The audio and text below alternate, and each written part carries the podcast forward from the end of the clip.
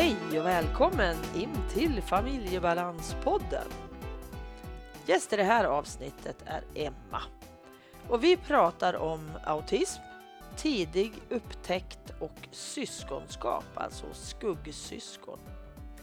Avsnittet görs i samarbete med Comicap, hjälpmedelsföretaget som vill genom mötet med människor förmedla kunskap, väcka nyfikenhet och visa på behovet av kognitiva hjälpmedel och sinnesstimulerande produkter.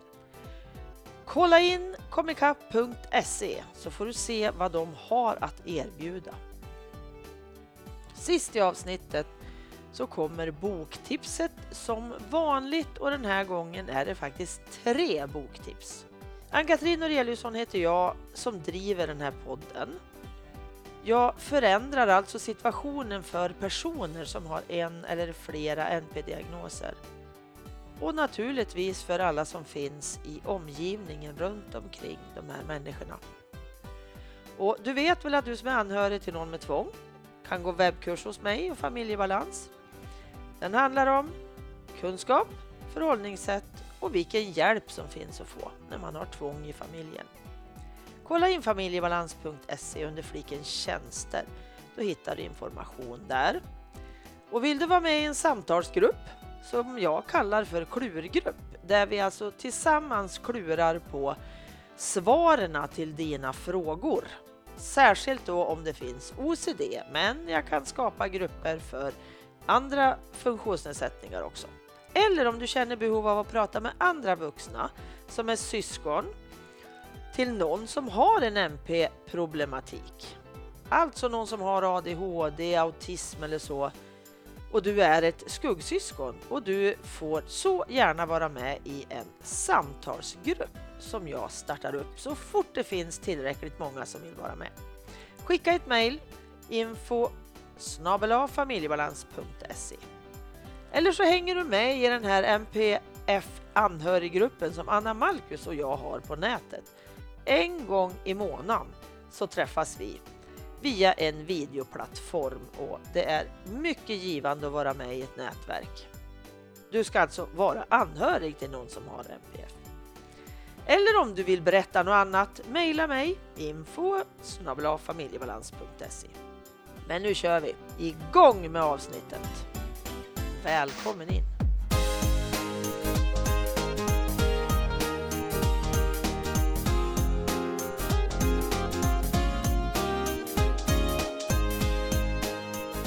Hej Emma! Hejsan!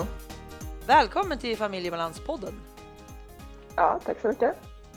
Det ska bli spännande att lyssna på dig för att jag har hittat dig via en uppsats som du skrev för tio år sedan.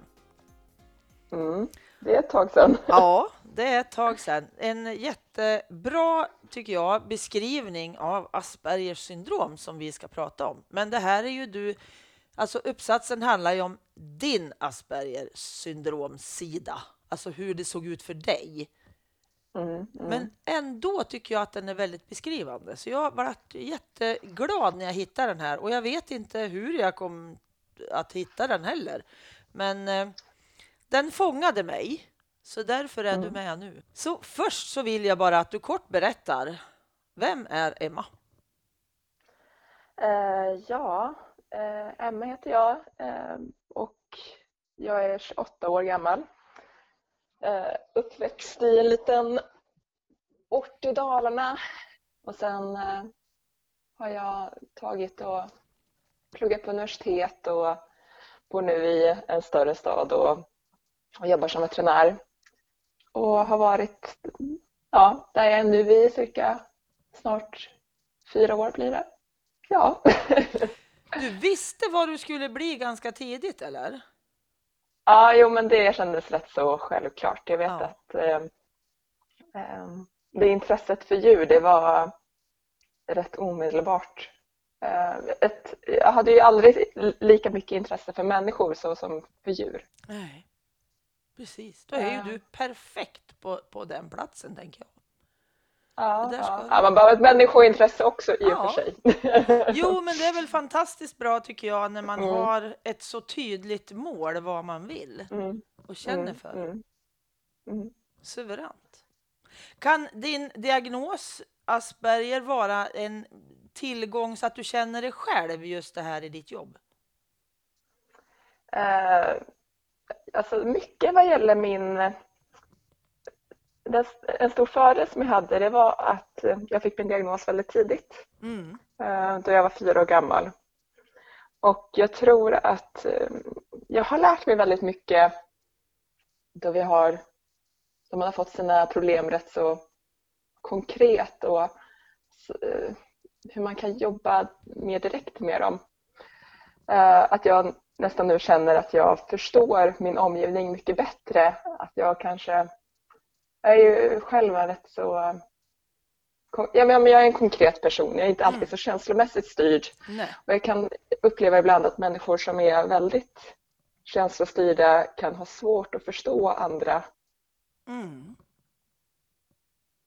Jämfört med hur jag, jag, jag ser det lite mer utanför och ja. ser lite mer detaljer. Ja, och lite ändå mm. på ett övergripande sätt då tänker jag. Att du liksom mm. ändå känner av situationen och ser, ja, men jag går inte in i känslan utan jag tittar lite mer objektivt på det. Mm. Det är ju en mm. klar tillgång i väldigt många situationer, tänker jag. Absolut. Och sen är det ju intressant det här också då att få en diagnos tidigt, tänker jag.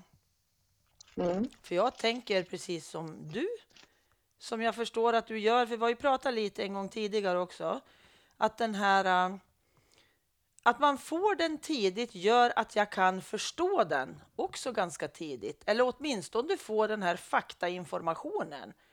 Så att mm. jag kan överbrygga en del av de här sakerna som är ett mm. problem. För jag tänker på i... Du skriver ju i uppsatsen om en situation när du är 12 år. Mm. När du säger till din mamma, mm. nu ska jag bli mer social.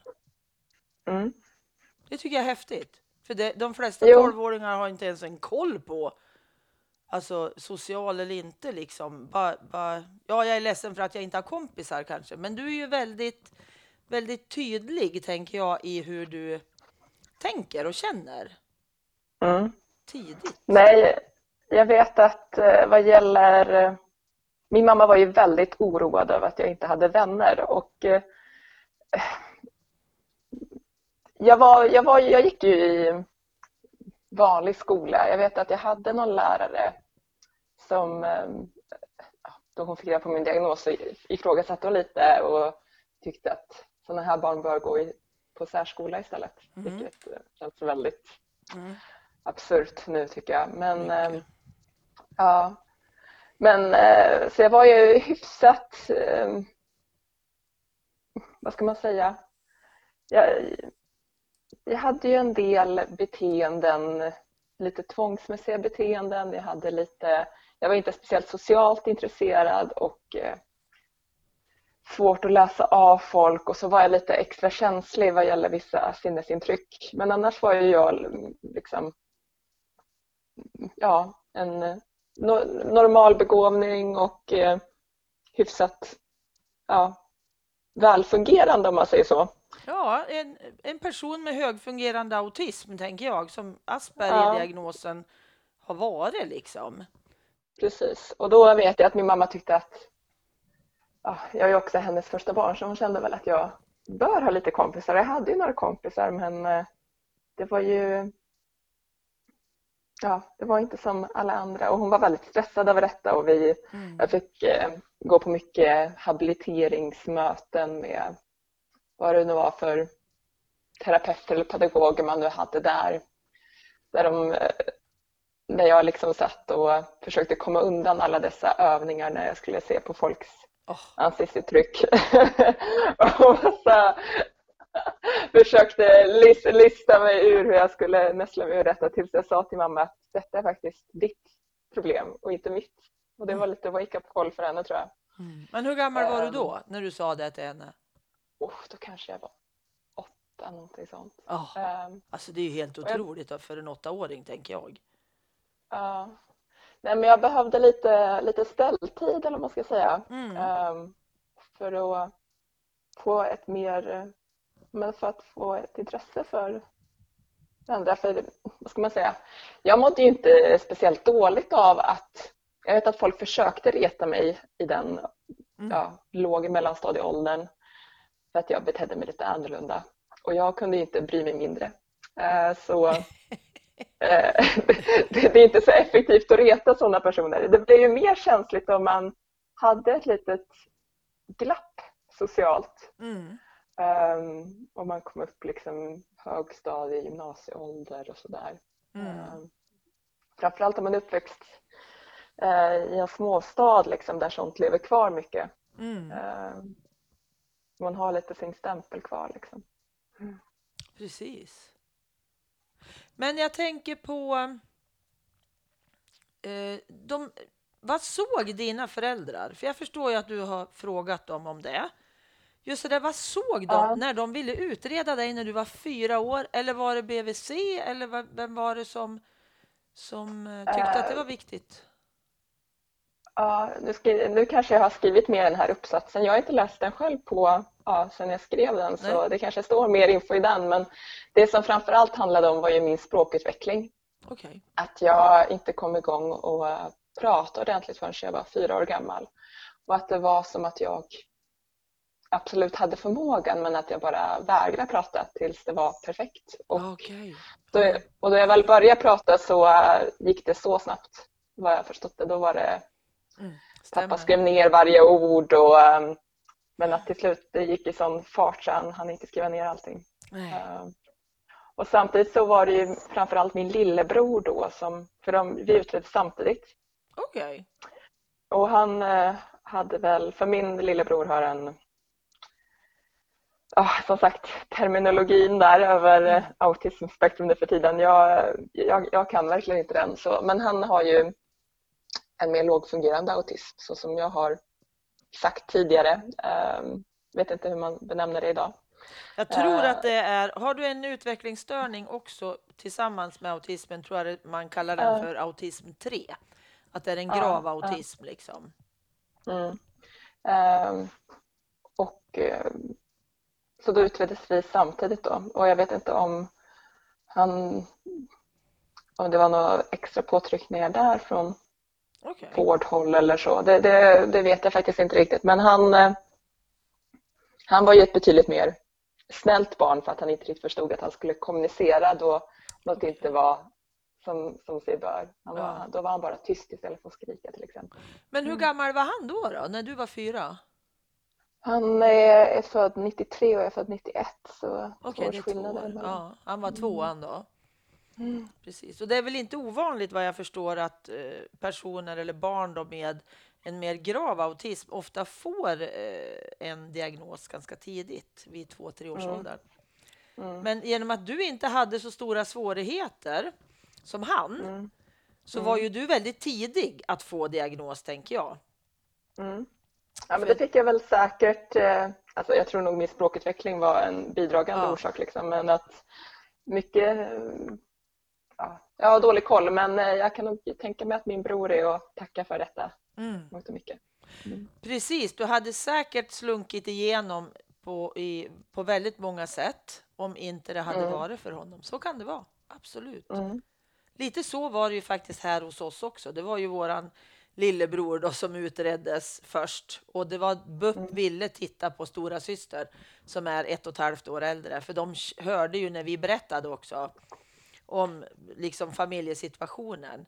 Att det fanns mm. någonting där med som de ville titta på för att se det i tid. Mm. Nu var ju de då, vad blir det då, sju och nio. Så att de mm. var ju lite äldre än vad ni är. Och där var det ju ingen mm. autism de funderade på från början heller, utan det var ju ADHD. Mm. Men du själv har ju, har du, du, jag förstår ju att du har haft en jättebra och nära kontakt med dina föräldrar. Mm. Det känns så när, man, när jag läser i, i uppsatsen. Absolut. Och de har ju läst på vad jag förstår också. Ja, det är framförallt min mamma. Um det är väl lotten som faller på kvinnor om man ja, får säga så. Eh, men ehm, min mamma har alltid kämpat mycket ehm, för, för oss liksom. Och Ja. eh, inte, min pappa såklart också men eh, Mm. mamma på ett helt annat sätt. Mm. Eh, och läst på och blivit väldigt engagerad i ja, föreningen Autism Mm. och eh, kämpade väldigt mycket för att vi skulle få den hjälpen eh, som vi behövde Ja, precis. och utbilda folk runt omkring. Eh, Mm. För det, ja, det, på den tiden i alla fall så, och säkert nu än idag, så var det ju väldigt varierande vart man bodde, vad man fick för hjälp och vad det fanns för pedagoger och, och så vidare. Hur har eran omgivning, alltså i, om man säger släkt och de här som man stöts och blöts med, hur har det varit liksom med, med genom att ni då är två barn med ja, halvsvåra alltså svårigheter. I alla fall du har ju inte Mm. haft de jätte, jättesvårigheterna, men som kanske då Mm. din lillebror. Men hur har det tagits emot av omgivningen? Eh, alltså, mycket utav, eh, mm, ja, jag har väl ansetts vara en rätt så oartig, ouppfostrad unge. Mm.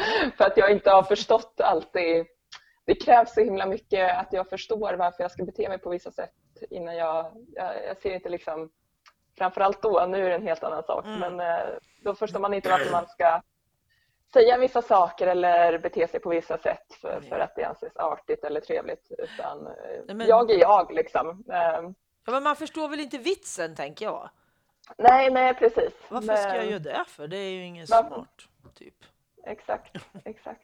Ehm, och, ehm, och det får man ju såklart, framförallt som tjej får man ju mycket pika kring det faktiskt. Mm. eh, på ett sätt. Och sen har det varit mycket kommentarer kring min bror och ehm, ja, varför är han så konstig? Varför pratar ni så som, med honom som han är en bebis? Varför eh, gör han sig, varför gör han så? Och han kommer inte utvecklas och så vidare. Mm. Det, eh, det har ju varit eh, folk utifrån då Mm. eh, mångt och mycket. Sen inom familjen så tycker jag ändå att det har varit väldigt bra. Eh, men också, det är en helt annan... Jag vet inte exakt hur mina föräldrar upplevt det för Nej. jag var ju liten då. Ja. Jag tänkte inte på sånt då. Nej, precis. Det är ju nu man kan reflektera som vuxen i så fall. Men kommer Ja. man inte ihåg och inte minns och såg att det var något så tänker man ju inte på det såklart. Kanske får ha ett poddsamtal med din mamma. Ja, Lite om ja, hennes absolut. upplevelser. Kändes Mm. det som just nu kom jag på det. Att det skulle vara jättespännande liksom hur hennes Ja. upplevelser har varit. Ja, För de är ju Absolut. lite lika mina kan jag känna. Just med två. absolut. Det var ju väldigt tufft i början för dem Mm. eh, båda två där. Eh, och sen på den tiden var det också mycket att det var föräldrarnas fel. Mm. Eh, en känslokall moder eller massa sådana här konstiga Ja, teorier om ditten datten. Ja, tack och lov så har vi Eh, kommit förbi mycket av det där nu faktiskt. Mm. Ja, precis. Men, men om vi tittar på dina upplevelser. Vad Mm. var svårast för dig i skolan? Eller vilka delar var svåra för dig i skolan? Som du minns det nu liksom? Det som jag framförallt så hade jag väldigt svårt motoriskt och eh, jag ville ju alltid vara bra direkt på det jag gjorde. Jag Mm. hade ju inte alls tålamod att träna på någonting eller så. Eh, och sen var jag, i den åldern var jag också ett, liksom ett knubbigt barn liksom, som fick höra kommentarer kring det. Liksom. Ja. Så då eh, tyckte jag gympan var jättejobbig. Mm, Eh, jag förstår. Fy fasiken. Ja, och sen vad gäller övrigt i skolan så tyckte jag att jag gillade det. Liksom. Eh, sen behövde jag se lite nytta eh, vad det skulle ge mig för att jag skulle känna mig motiverad. Jag vet att de ville sätta mig i svenska extraundervisning för att jag vägrade lära mig skrivstil eller vokaler och konsonanter. Mm. Så där fick jag sitta och klättra på väggarna. Ah, För det var ja, Tänk vad viktigt. att... eh, Och Vad viktigt tänker jag att komma ihåg det här, för men, men Mm. nu riktar jag mig rakt till skolpersonal. att förstå vitsen med varför jag ska göra saker. Det här känner jag igen så väl från min son, för han sa, har sagt samma. Men varför ska jag göra det när det inte, jag kan fatta varför jag ska göra det? När det inte fin- Jag ska bara lära mig det för att man alltid gjort så. Alltså det här är ju så otroligt viktigt alltså. Mm. Och så tydligt Nej. för många barn med autism att det, varför, det finns ingen anledning. Och då Nej. får man faktiskt jobba på det här lite alltså, tänker jag. Nej, men eh, det där har jag tänkt på flera gånger att eh, om folk inte var så styrda kring hur saker bör vara Ja. och så vidare hade det nog varit så himla mycket enklare. Ja, Det var absolut. inte mycket. Ja, det är ju självklart när man pratar om det så här, tänker jag. Mm. För varför ska jag lära mig något? Och och det har jag tänkt många gånger på väldigt många ämnen i skolan. Alltså allmänbildning, ja det är jättebra, men alltså jag måste ju ändå förstå varför jag ska lära mig det. Mm. Och det är inte alltid så klart. Nej, men det blev mycket bättre vart efter jag fick, ja men framförallt klara mål liksom. Ja. Ehm, fokusera på och ehm, ja men man ska ha bra betyg för att kunna bli veterinär och man ska Ja, Då blev jag, för jag har alltid varit väldigt målinriktad, väldigt driven och så. Mm. Ehm, Så då jag har fått det klart har jag jobbat på jättebra. ja. Och du läste ju vidare sen. Mm, Ganska omgående vad jag förstår efter gymnasiet. mm, Så körde ju du vidare liksom till, till ditt, mot ditt mål som var jättetydligt för dig. precis. Ja, jag tror jag inte hade klarat av att ta ett sabbatsår. Jag hade nog jag behöver nog rutiner för att jag ska må bra. Alltså jag blivit rätt så deprimerad annars. Mm. Är det, blir det, får du dippar ibland sådär? Alltså jag har ju ätit eh, SSRI-preparat eh, sedan jag var runt omkring nio. Eh, med lite, på grund av lite tvångproblematik då jag var yngre. Mm. Lite, vad ska man kalla det för egentligen? Ja, men lite allmän ångest och olust. Jag kan väl inte känna att jag varit regelrätt deprimerad någon gång men eh, Nej.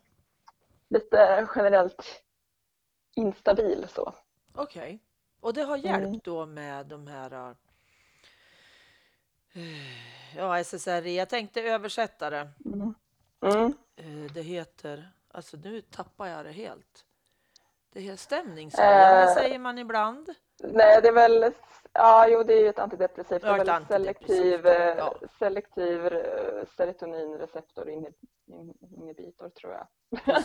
Om, jag får, om jag får gissa. Mm. Ja, precis. Mm. Men alltså, det var motoriken som var det stora problemet för dig personligen. Eh, Jag förstår ju att andra det, hade det, en det, massa. det, det, det, st- det stora problemet för mig var ju att jag inte var så bra.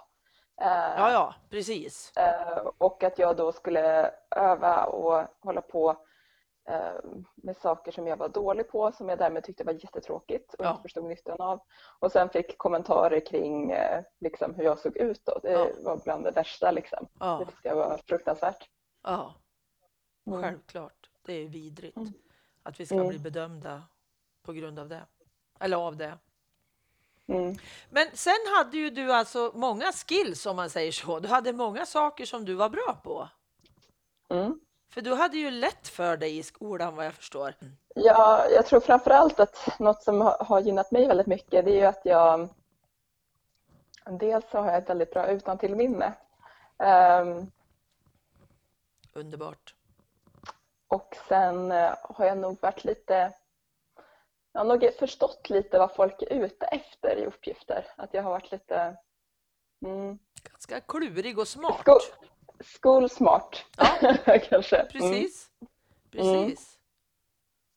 Och det är ju det som blir så knasigt, tänker jag många gånger, för att många personer upplever ju då människor som har någon autismdiagnos, alltså högfungerande autism, som eh, det här med det sociala, det är svårigheter med det och det är svårigheter kanske med motorik och så vidare. Och så blir man bedömd för sitt intellekt på grund av det. Det mm. kan ju störa mig våldsamt alltså, för det är många personer med autism är ju extremt smarta. Mm, Men det mm. syns ju inte riktigt på det där sättet att jag interagerar och pratar och, och, berättar och håller på, utan det där är i mig och jag har det och det räcker liksom. Mm. Jag måste inte visa upp hela tiden hur bra jag är. Mm. Den känslan får jag ibland att många är ganska nöjda med att jag vet själv. Jag behöver inte visa det för alla andra. Mm, mm. Kan det vara något som du känner igen dig i? Eh, jo, men något som jag känner mig... Det har jag tänkt på lite att i liksom det här samhället nu idag så är ju, har jättemånga problem med utbrändhet, utmattning och så vidare. Mm. Um, och också det här med att känna sig bra nog och så vidare. Och jag kan också ha rätt så mycket prestationsproblem. Men jag har alltid varit så här att jag kan, vad ska man säga, ja, men jag behöver inte vara liksom perfekt på alla sätt och vis vad gäller liksom familj, liksom vänner, partner, jobb. Liksom. Jag kan fokusera på någon del. Liksom. Jag behöver inte hålla upp någon fasad. Jag kan... Eh, och att man... Eh, ja, Lite kan vara... förnöjsam med dig själv? Ja, ja. Eh, både ja och nej. Man är, man är ändå så färgad utav, liksom, ja. utav allt detta. Men eh, om jag jämför med många andra, ja, men i, vad gäller mitt yrke så jag tillhör ju rätt så många den här lite duktig flicka-kategorin utav mm. folk och, och jag kan ändå liksom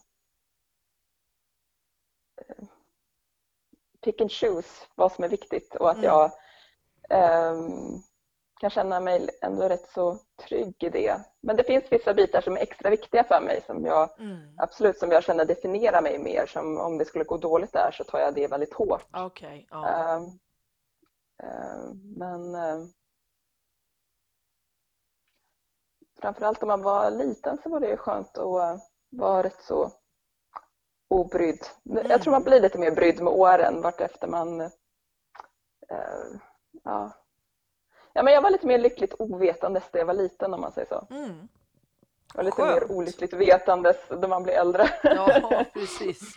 precis. Men jag läser lite här nu. Jag tänkte hoppa lite vidare här. Hade du några specialintressen har du som en av frågorna i, i din uppsats? Mm. Hade du det? Kommer du ihåg det? Eh, vad det står i uppsatsen ska jag inte uh, fråga om. Nej, bara vad... vad vad du tänker själv, vad du minns själv. Ja, det var djuren som var det solklara. Mm. Uh, alltid. Uh, Precis. Det är väl det. Sen kan jag nog absolut ha haft lite lite sidospår. Lite, ja, lite samlande på saker skriver din mamma här.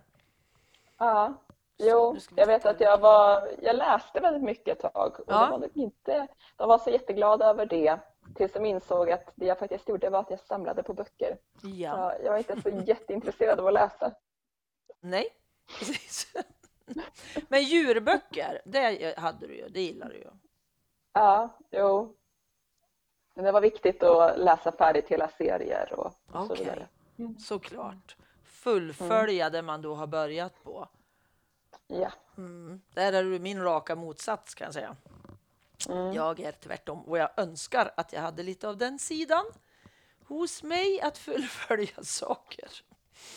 Så ja, nu ska vi se. Jag hoppar lite vidare här. Mm. Det står vilka framsteg gjorde jag? Nu måste jag titta här. Här är du nog 12 år då. Skulle jag tro. Uh -huh. Och då svarar mamma du hade gjort jättestora framsteg mellan 6 och 12 år. Både mm. din sociala kompetens och din mognad som person och ditt intellekt gjorde att mm. du gjorde otroliga framsteg då det gäller allting. Den sociala biten gjorde du störst framsteg med. Och du mm. blev helt plötsligt, och så ja, du säger där att du vill bli social. Det är här det är. Mm. Precis. Och din pappa säger också att du hade kommit långt på vägen och så där. Mm. Och Nej, jag men tänker, där var det väl... 6 till 12 år händer det ju mycket i ditt, Mm. eh, hela i ditt liv, tänker jag. Att det är en, en stor mognadsbit i skolan där, hela låg och mellanstadiet. Mm. Så. Nej, framförallt så var det väl att jag ville. Mm. Att jag fick, fick upp ögonen för det hela. Ehm, att jag Mm. fick ett intresse. Säkert att jag såg någon anledning till att det, det var bra. Mm. Mm. Precis. Men sen på slutet i den här, det är en jättefin, alltså jag gillar verkligen, nu har jag sagt det flera gånger, men jag gillar verkligen den här uppsatsen, för den skulle kunna vara som grund för många, alltså när de får diagnos på något av sina barn, att läsa det här ger ju ett hopp, tänker jag. Att Mm. se, ja men alltså väldigt klart och tydligt, och det är ju precis så klar och tydligt som jag förstår att du är i det här Mm. i steg och det är tydligt och det är enkelt och det är inte en massa ord liksom, utan Mm. det står precis vad man behöver veta. Mm. Och sen Nej, är det jag också en sammanfattande diskussion där du tar upp eh, boken utav Tony Atwoods om Aspergers Mm. syndrom. Har du läst på mycket? Har du läst själv liksom och fakta om autism? Ehm, ja, så det som eh, vad gäller det nya, det är jag ju inte alls påläst på. Ehm, faktiskt. Men eh, i samband med, med själva uppsatsskrivandet och ja, då min mamma var väldigt engagerad så fick man ju höra mycket och se mycket Mm. ehm, på ett annat sätt. Så att du fick Men det, jag ett- tror det Ja, du fick det den vägen, både genom mammas intresse då, och att du läste på själv då när du är 18 år och skriver den här. Är det sista året på gymnasiet? Du Ja, skriver den här? precis. Ja, mm. precis. Jag avbröt dig där, ja. Ja, det är ingen fara. Det är ingen fara. Man vet bara inte hur man ska göra när man, ska... man själv ska vara tyst. Nej, det är jättesvårt ibland. Helt klart. Helt klart. Mm. Mm. Men eh, du säger själv att du inte har läst den här sen. Du skrev den. Nej. Men du måste ju ha fått eh, fina recensioner, tänker jag, av de som läste den. Jo, absolut. Jag fick ju... Jag fick absolut, och den publicerades i Ögonblick. Eh, Just det. jag Det var där jag hittade den. Så var det. säkert det. Mm. Mm. Då fick jag beröm för den och samtidigt var det också en uppföljningsartikel. När var detta? Det måste ha varit 2016. Eh, så fick jag eh, då Hanna Danmo in- intervjuade mig. Mhm. Så fick jag också mycket, eh, ja, att folk skrev till mig och så vidare. Så det, det tror jag absolut att den har varit viktig. Jag tror att eh, Mm.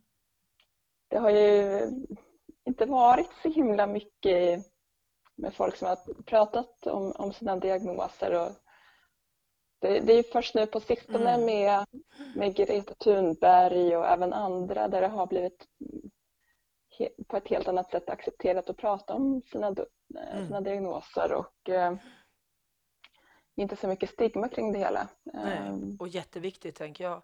Att berätta om, att skrota skammen då, som är min stora paroll. Att vi ska våga berätta Mm. och, om hur vi har det.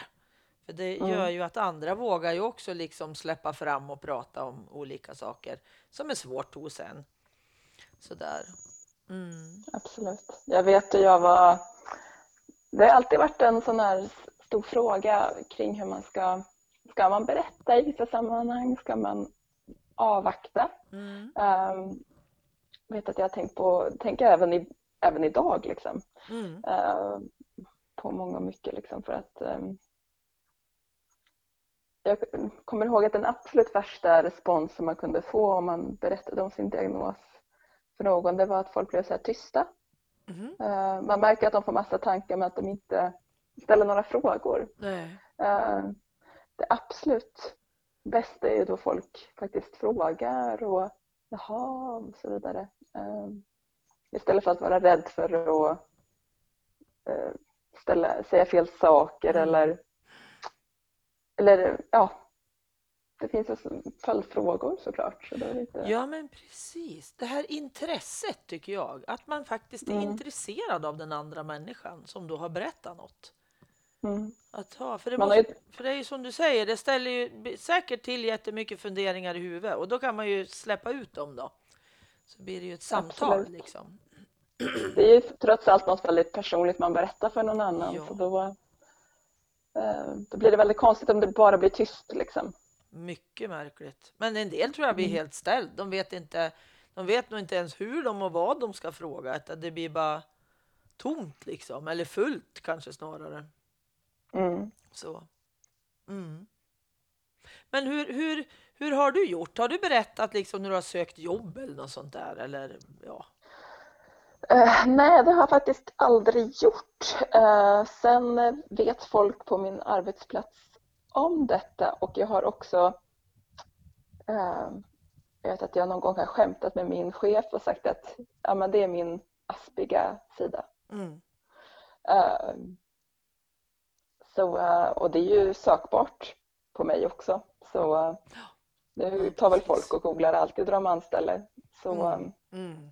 Precis, och se vad de hittar. Ja. Precis. Men det kanske inte är liksom ens relevant och, och att det är det första man berättar. Heller. Nej, jag tror att det är annorlunda nu jämfört Mm. med tidigare. Men jag har varit lite fundersam kring om man ska vara öppen kring det. Men Mm. ehm, då jag inte tycker att jag behöver så mycket, att jag inte upplever att jag behöver några anpassningar direkt. Nej. Ehm, det hade väl varit en annan sak om det hade behövts. Men det kan ju snarare, det vet jag ju att eh, i vissa yrken så är det snarare en, en merit. Ehm, Absolut. att man eh, arbetsuppgifter som andra neurotypiska personer inte eh, ja, inte kan göra lika snabbt eller effektivt eller tröttna på att man Mm. kan eh, att en person med autismspektrum passar väldigt, väldigt bra in där. Absolut, och det tycker jag är jätteviktigt. Att vi kommer Mm. ihåg det. Det kan vara den absolut, absolut bästa personen på vissa saker.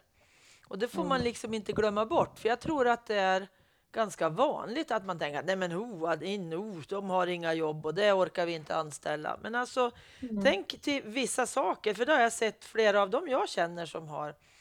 Nu ska man inte generalisera, men just det här med att ha över, något överblicks eller se detaljer, alltså det är ju så olika från person till person. Men jag ser Mm. ju vissa av dem jag känner som är helt makalös på att lägga ett schema till exempel. Mm. Att se, ja men det här och det där och det där, det funkar. Jag skulle aldrig få ihop det. För jag skulle se Mm. allt i en enda röra.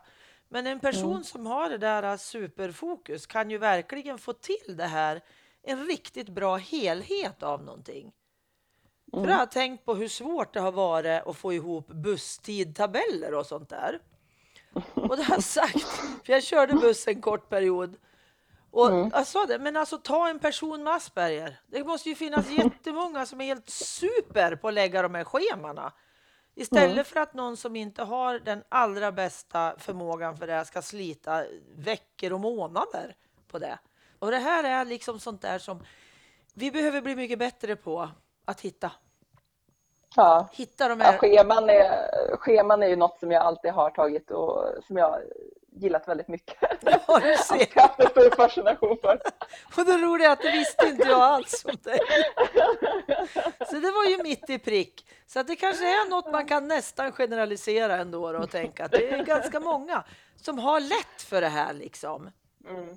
För det är ju det där. Vi behöver ju hitta det där som är lättheterna hos oss som vi blir bra på. Det är ju det, tänker jag. Men sen har vi ett litet till spår, just det här att du även är syskon till din lillebror som har svårare autism än du. Mm. Så du har ju också levt som skuggsyskon fast du har en Mm. egen diagnos också. Mm. För han har ju tagit mycket mer tid i anspråk av, från dina föräldrar förstår jag ju än vad du har gjort.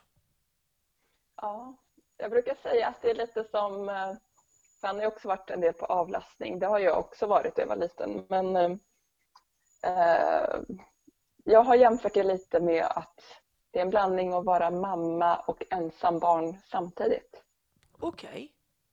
Har jag tänkt på. För att man är väldigt omhändertagande kring sin lilla bror. Mm.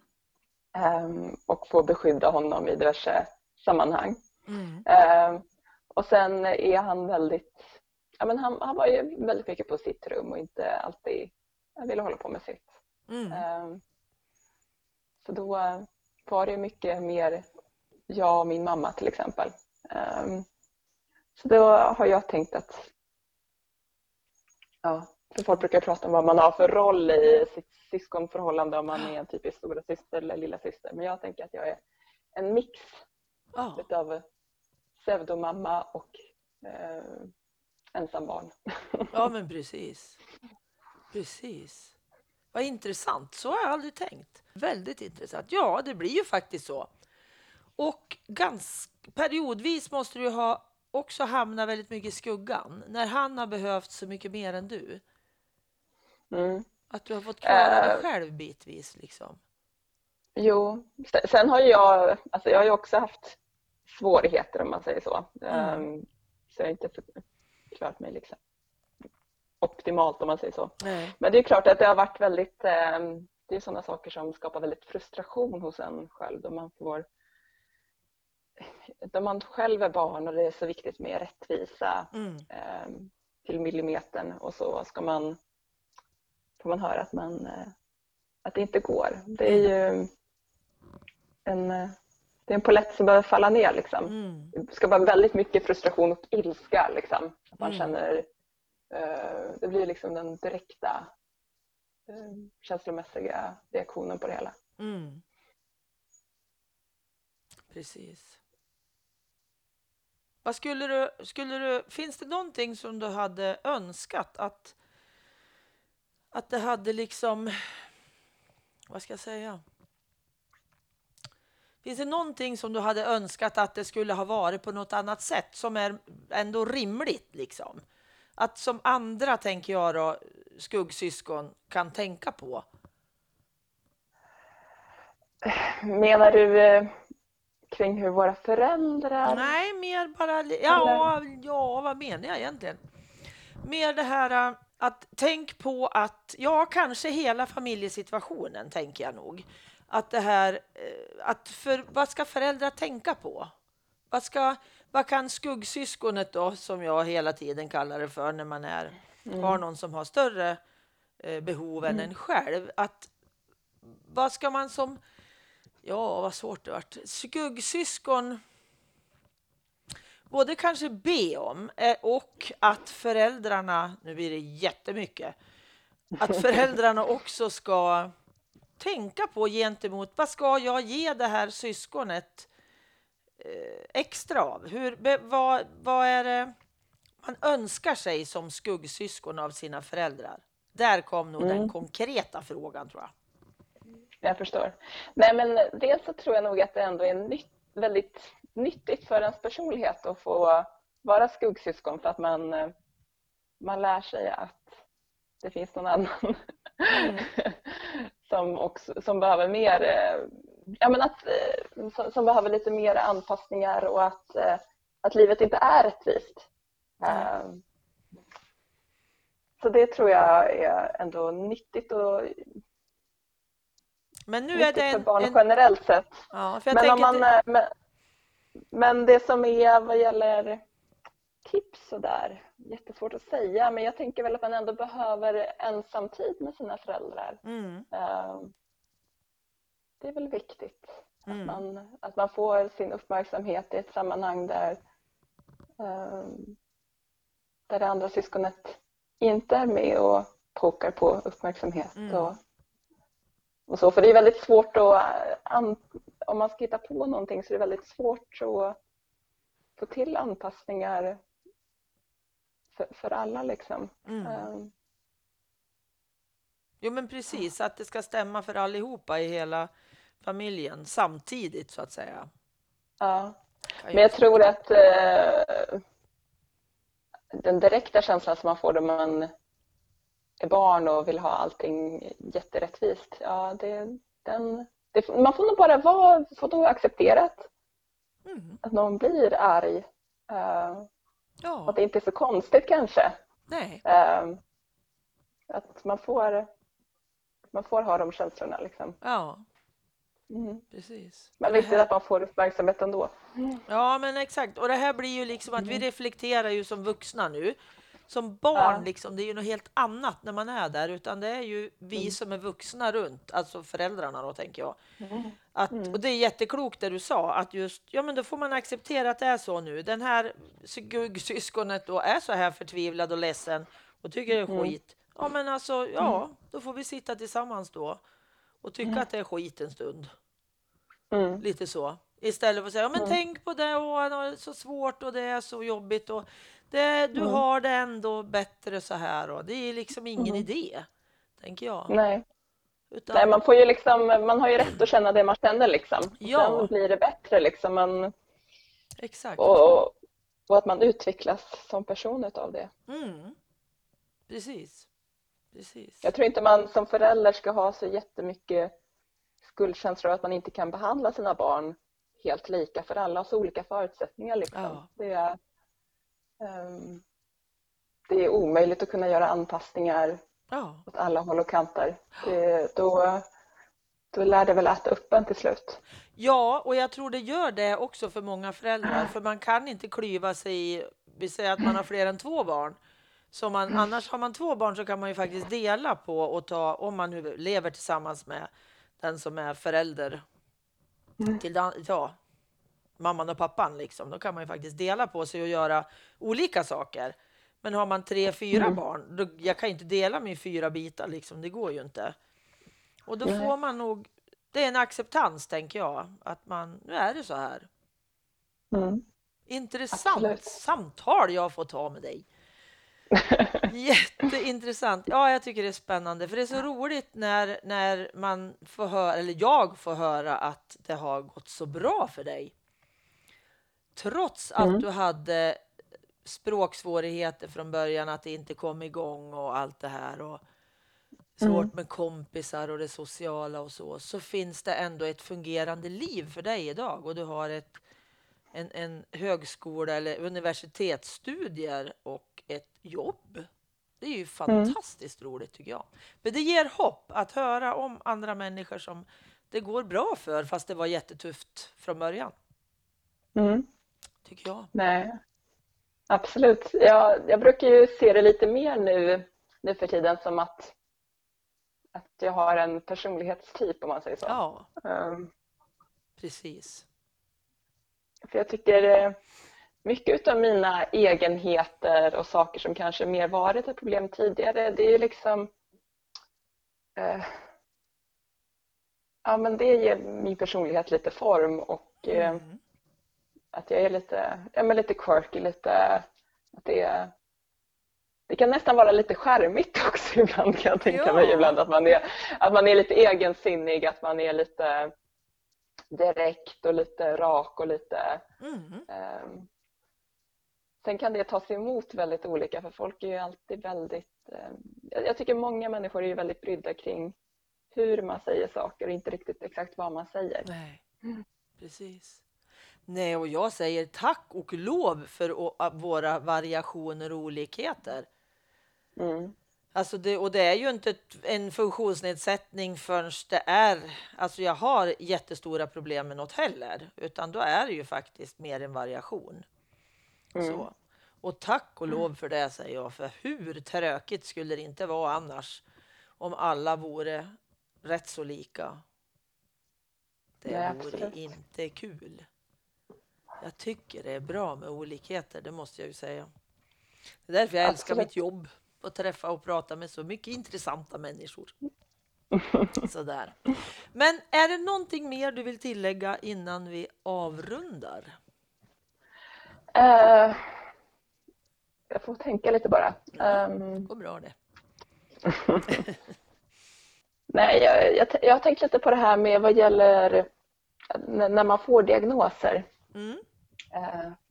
Och att, man, att folk är så rädda att man ska bli stämplad. Mm. och det där har jag tänkt på väldigt mycket. Att, eh, en diagnos handlar ju inte om att, att man inte har någon utvecklingspotential. Liksom. Eh, att, det, att detta är min prognos kring hur jag kommer bli som människa och Nej.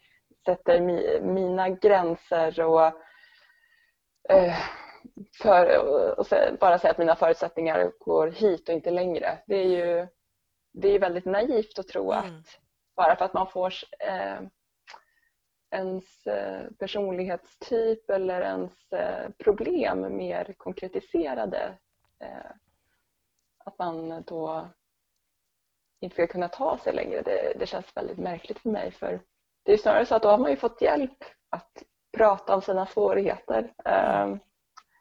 och hur man ska jobba kring dem snarare. Mm. Så det, det känns väldigt eh, ja. Men det är mer utvecklande att få det liksom på papper om man säger så. Då har man nästan ännu bättre förutsättningar. Liksom. Eh, och det finns en anledning till varför man har fått en diagnos. Ja. Liksom. Eh. Jag brukar kalla det för att det är, jag ska se den här diagnosen, den här utredningen, diagnosen som en bruksanvisning. Ja. Det här är mina goda sidor. De här kan jag mm. utveckla och bli ännu bättre på. Och de här då som är mina svårigheter som gav diagnosen. Det är liksom mm. de som jag kanske kan också utveckla så de blir mindre eh, plågande eller vad ska jag säga. Att de mm. ger ett mindre lidande därför att jag har fått svart på vitt. Det här har jag, är jag bra på, det här är jag sämre på. Då har mm. jag ju liksom något att jobba med, tänker jag. Får jag aldrig veta det? Jag har inte en aning. Nej, det får gemene man inte alltid reda på. Nej. Nej. Så att det är lite häftigt, för jag själv utreddes ju för ADHD när jag hade fyllt 60.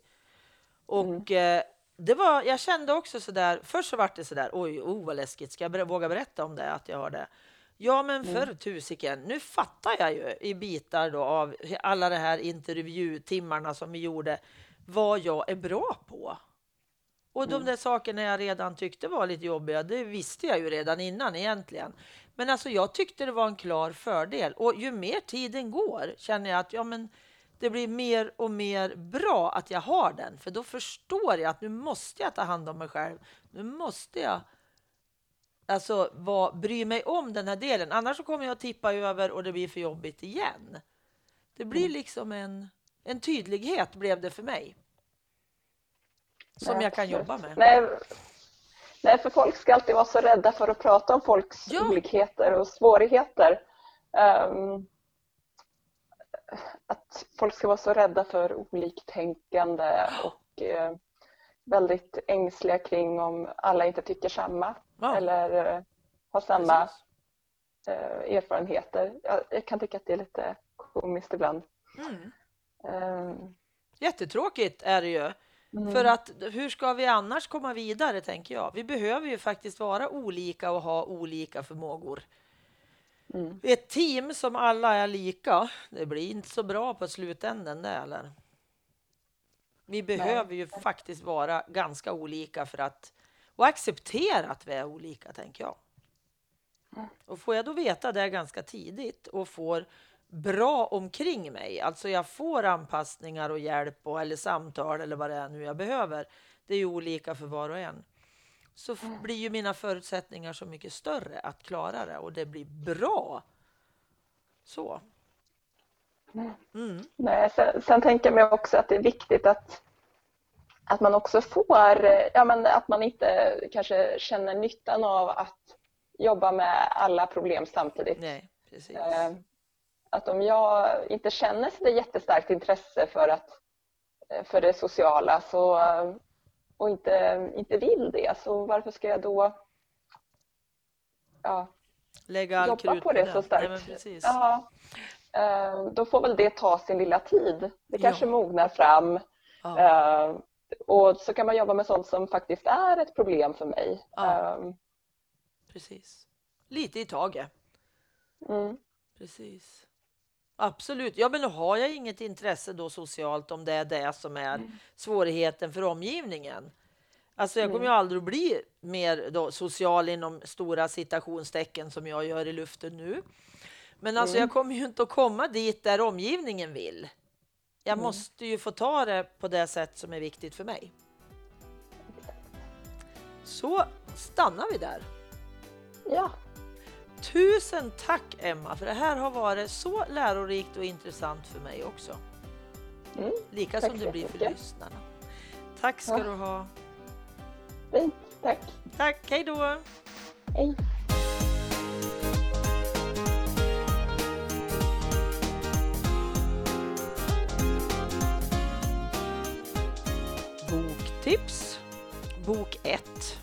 Autismspektrumtillstånd hos vuxna.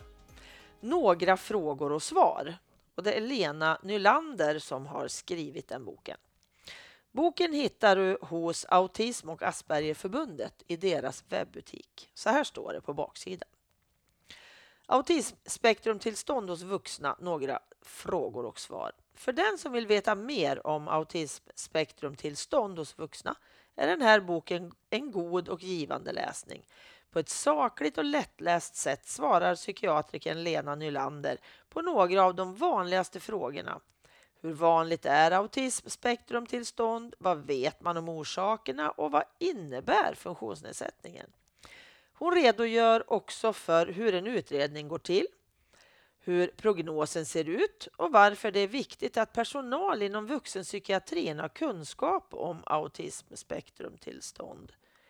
Boken riktar sig till personer med autism, närstående, alltså anhöriga säger jag då, de som finns hemma i familjen och personal inom vuxenpsykiatrin och olika habiliterande verksamheter. Boktips 2 Julias superkrafter. En bok om Asperger och högfungerande autism av Malin Rocka Ahlgren. Andra terminen i sjuan drar igång och Julia och hennes klasskamrater Lisa och Alice har fått en ny lärare, Micke. Dessutom har tjejerna i 7C börjat med blickar och viskningar. Skolstarten blir inte som Julia hoppats. Men med hjälp av en förstående pappa, erfarna lärare samt ett stöttande elevvårdsteam så vänder det. Julia och skolan får lära sig att hon har speciella superkrafter. Julias superkrafter är en bok om Asperger eller högfungerande autism och den är tänkt som ett stöd för föräldrar och deras barn samt till skolpersonal. Julia sparkade på skåpdörren och mötte matteläraren Mickes blick. Han hade stannat upp och lagt en hand på hennes axel. Julia backade genast undan för att få bort handen. Micke la huvudet på sned. Julia kände det, hon visste det, hon såg det, fast hon inte tittade på honom. Hon var van. Ingen fattade någonting. Boktips 3. Aspergers syndrom och sedan. Den har Gunilla Gerland skrivit. Gunilla Gerland har på ett fåtal sidor lyckats få med det viktigaste som en ung människa med Aspergers syndrom behöver veta om sitt funktionshinder. Av största vikt är att såväl styrkor som svårigheter beskrivs. Boken tar också upp för unga människor närliggande områden som parbildning, barn, arbete, boende och körkort. Gunilla Gerland ger konkreta och väl genomtänkta råd. Författaren för ett viktigt resonemang om människosyn som alla borde läsa. Ordet normal används inte eftersom det lätt skapar värderingar. Människor med Aspergers syndrom är inte onormala utan neurologiskt atypiska, ovanliga. Människor utan funktionshindret är då inte normala utan neurotypiska. Boken är i första hand skriven för ungdomar och unga vuxna som själv fått diagnosen Aspergers syndrom. Men såväl anhöriga som personal av alla kategorier har behållning av den. Ja, faktiskt alla som är intresserade av människor och människors villkor. Och nu får du några ord på vägen från mig. Jag tänker ofta på ordet tacksamhet som ett väldigt eh, vackert ord. Och för mig har tacksamhet blivit något väldigt, väldigt viktigt. Att få känna att jag är tacksam för saker hur små eller hur stora de än är. Det ger mig en väldig värme inuti och gör att jag orkar många dagar till. Att titta ut och se hur vackert det är kanske utanför där jag bor eller att ibland kanske jag måste åka en bit för att se det vackra. Eller att titta på det jätteliten, liten, liten blomma och se hur vacker den är egentligen. Fast jag är så van att se den så jag tänker egentligen inte på den. Att plocka upp den och titta på den, det är något alldeles speciellt och ger mig en väldig tacksamhet att jag faktiskt kan se den. Tack för att du lyssnat. Tack till Pelle Zetterberg för musiken, till Pernilla Wahlman som fotade, Marcus som fixade poddloggan och till Anders för att du redigerar mitt prat. Och tusen tack till Comicap för samarbetet. Och tusen tack till dig som går in och skriver recension på Familjebalanspoddens Facebook-sida. Det är ju sånt som gör mig jätteglad om du berättar där vad podden ger dig. Hoppas vi hörs igen. Hej då!